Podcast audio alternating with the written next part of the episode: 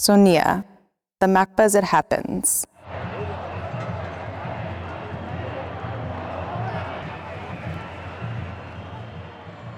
Michael Hardt is a professor of literature at Duke University, North Carolina.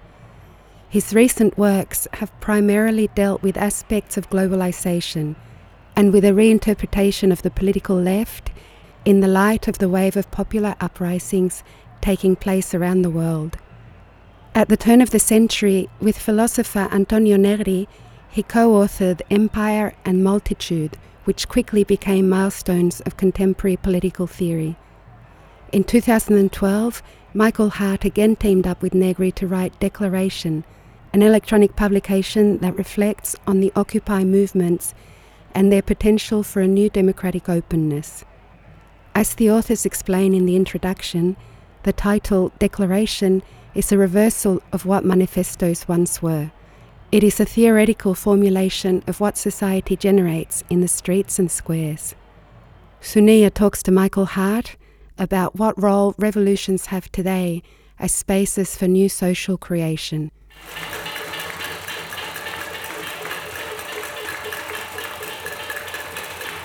The term revolution in the 21st century. Well, one thing that seems clear to me about the term revolution in the 21st century that's maybe shared with from a long time ago is that what's really at stake, what's really in focus, is a transformation of forms of life.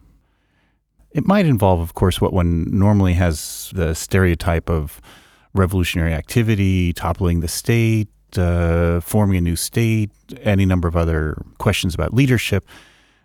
All of that might come into play, but I think what's really at the center of what it will mean to make revolution in the 21st century will be about, I would say, the production of forms of subjectivity. I hope that doesn't sound too abstract. I mean, it, transforming the way we live. Maybe that's a better way of saying it producing new forms of life.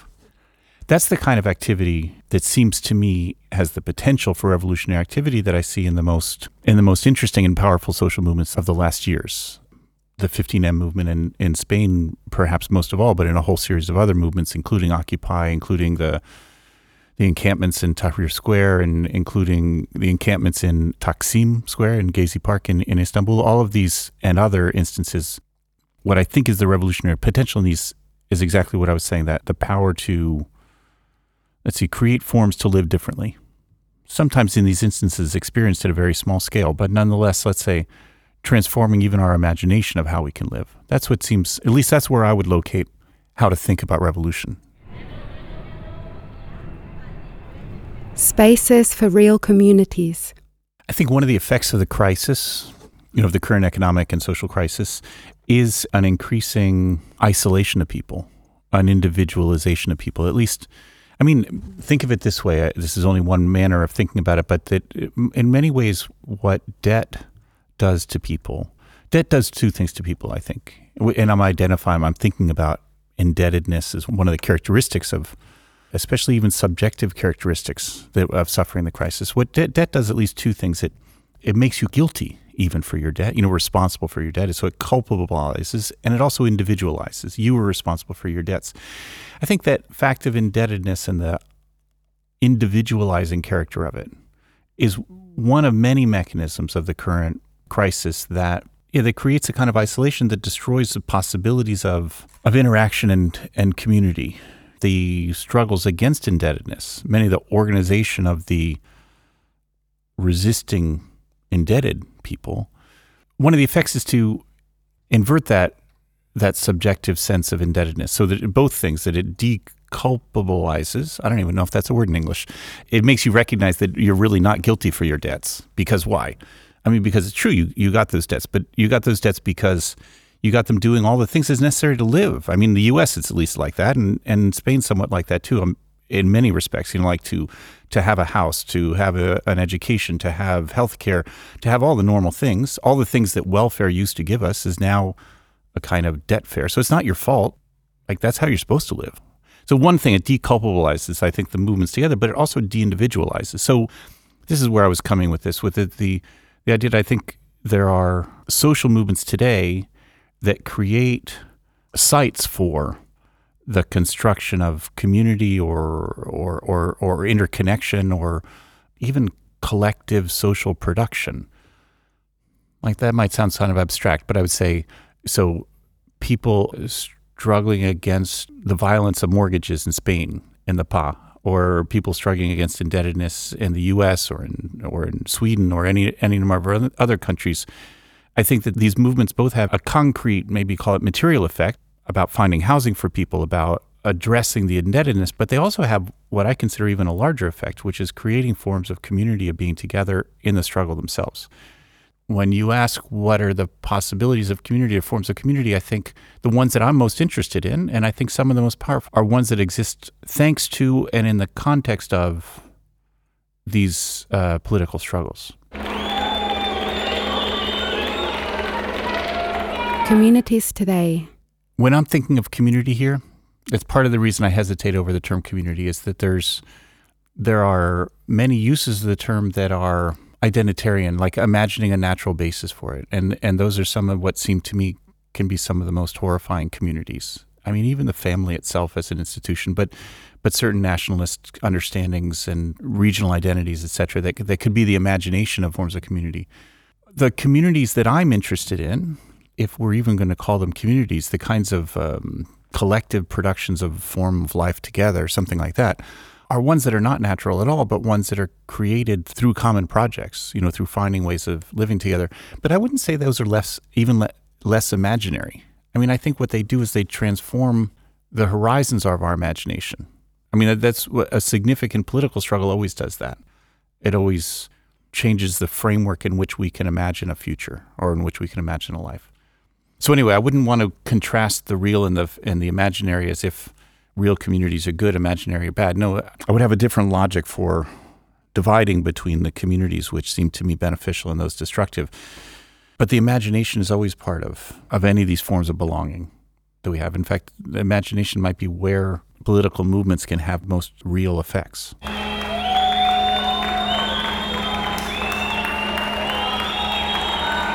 A new reality against the dominant media. I'm attracted by the idea of thinking, of proposing that we construct new mechanisms for, even for creating new truths against the forces of the dominant media. So, in part, I mean something like, you know, that we need ways of just gaining the information of the truth counter to the lies that we're being told. But that's rather simple, and that's not at all the whole story, it seems to me. That was, though, part of, and, and I think a beneficial part starting, at least in the US, starting in 1999 in Seattle and the WTO protests, the projects of Indymedia, of a construction of a horizontal and open way of providing information. This is what the Indymedia different projects were about. In some ways, to to just tell the truth about what was happening. I mean, everyone who's been involved in a political action or political demonstration knows after reading the paper the next day how inadequate the numbers are to what happened. I find it's a very often a politicizing effect to recognize how little truth there is when you've been at an event, when you participate in an event, to how much gets reported about it. And so that maybe could be one side, but I, I would say this is a minimal side of it, you know, just reporting the facts because the real truth about events isn't there. I'm more interested in, in what seems to me a much larger project and is a conception of it in some ways an alternative media about constructing truths in the sense of new common notions, like new things that we think of as a basis for our own ways of seeing the world politically and imagining things. You know, so here's where I'm really thinking like a USer like in the beginning of the US Declaration of Independence, the first line that Jefferson writes is about the truth that all are created equal. Like that's if you're going to call that a truth, and I would call that a truth, it's a truth that has been arrived at through struggle. Like that the the proposition that humans are equal. It doesn't flow from reason. It wasn't given from God. It wasn't some natural understanding. No, we struggle to create that. So I think that that's what I would say is that one of the things that we, what an alternative media could do is, like I'm trying to say here, to create new truths, to create, I said before, common notions. Common notions is a, it's a technical term for Baruch Spinoza in a certain philosophical framework, but I think common notion you could also just take as a shared recognition of how we see the world. You think of that as a truth. And that's what the media can do is produce truths. I think a lot of the truths that current dominant media produces today are horrible, corrupt, damaging truths. And instead we need to find means to create new truths that are be yeah, that can allow us the kind of freedom and equality we want, something like that.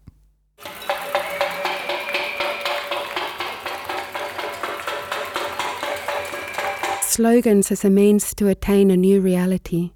One mechanism, but I think it's only one among many, but at least it's a visible one of the collective production of truths is through the slogans of the movements of recent years. Maybe the simplest and not the richest, I would say, would be the one about the 99% for Occupy. So, what does the 99% tell us? It, it recognizes social inequality, it recognizes one vast division. I would say that democracia real ya or no nos representan, those are also involve a certain construction of truth, which is, I would say, much richer and more complicated about a critique of representation, a questioning of what democracy does mean today, what the democracy they've given us means, and also what it could mean. Even thinking back to Argentina in 2001 during the insurrection, then que se vayan todos, like against not only one corrupt politician or one corrupt party, but about the entire political class and political system. Yes, I would say that the construction of these and the passage, the passage of these slogans, the circulation of these slogans does involve a production or even a consolidation of a kind of truth. And their circulation, I would say, in many respects, is counter to the circulation and production of truths of the dominant media.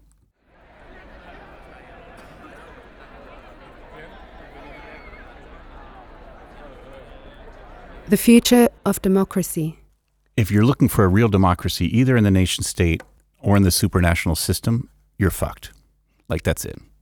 I think that in order to think democracy differently, in order to respond to demands for participation in processes involving freedom and equality, I think you have to look to different contexts than that. I don't mean smaller contexts or not only smaller contexts certainly one of the things that's been so magical about the occupations or encampments in urban spaces, you know, Puerta del Sol, Zuccotti Park, Taksim Square in Istanbul, these have been, they've not only created the urban spaces common, you know, as a shared and self managed place, they've experimented with democratic forms. But for me, that doesn't mean that it, or at least I see as the objective or challenge is not that it remain on a space of a few hundred people for a few months or a few thousand people for a few months, but rather be the opening of an experimentation that is much wider, wider than the nation state, and wider than the, than the city itself, larger than Catalonia or Spain. I guess it seems to me that the only, like thinking now in European terms, that the only way that the only possibility, the only adequate terrain for struggles against the crisis, for struggles against austerity, for struggles against the current neoliberal forms is at a European level.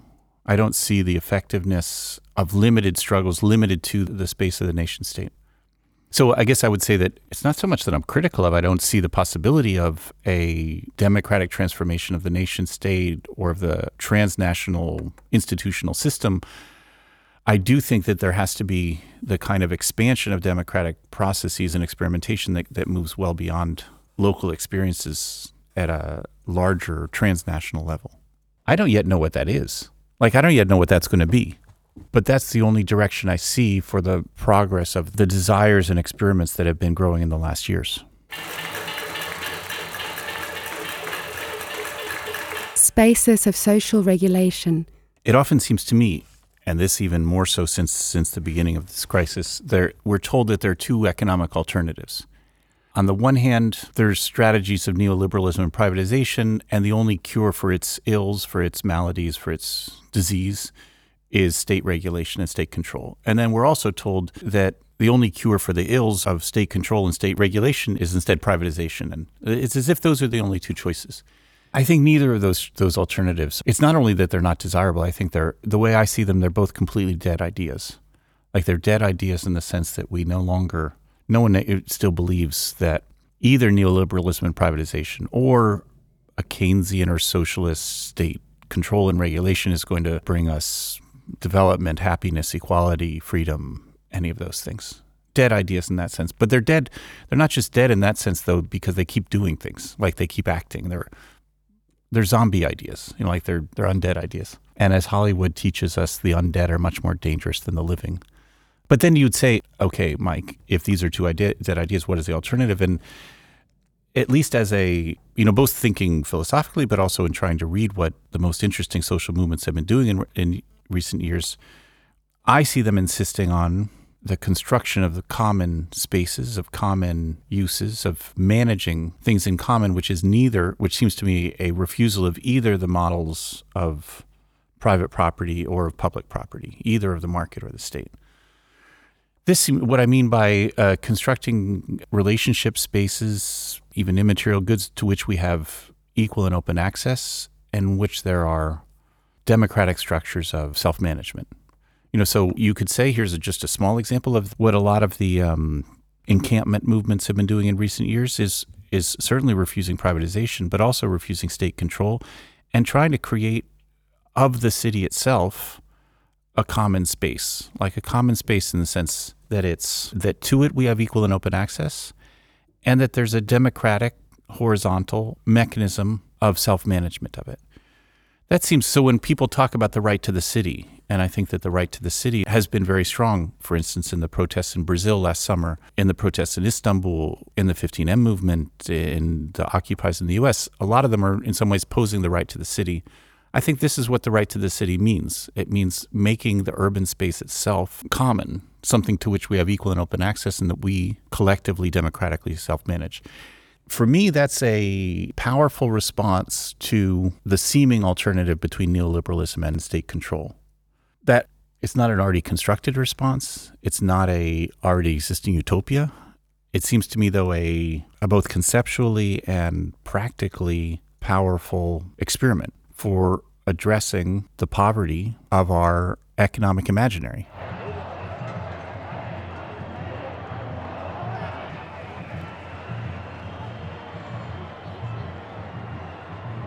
macba.cat.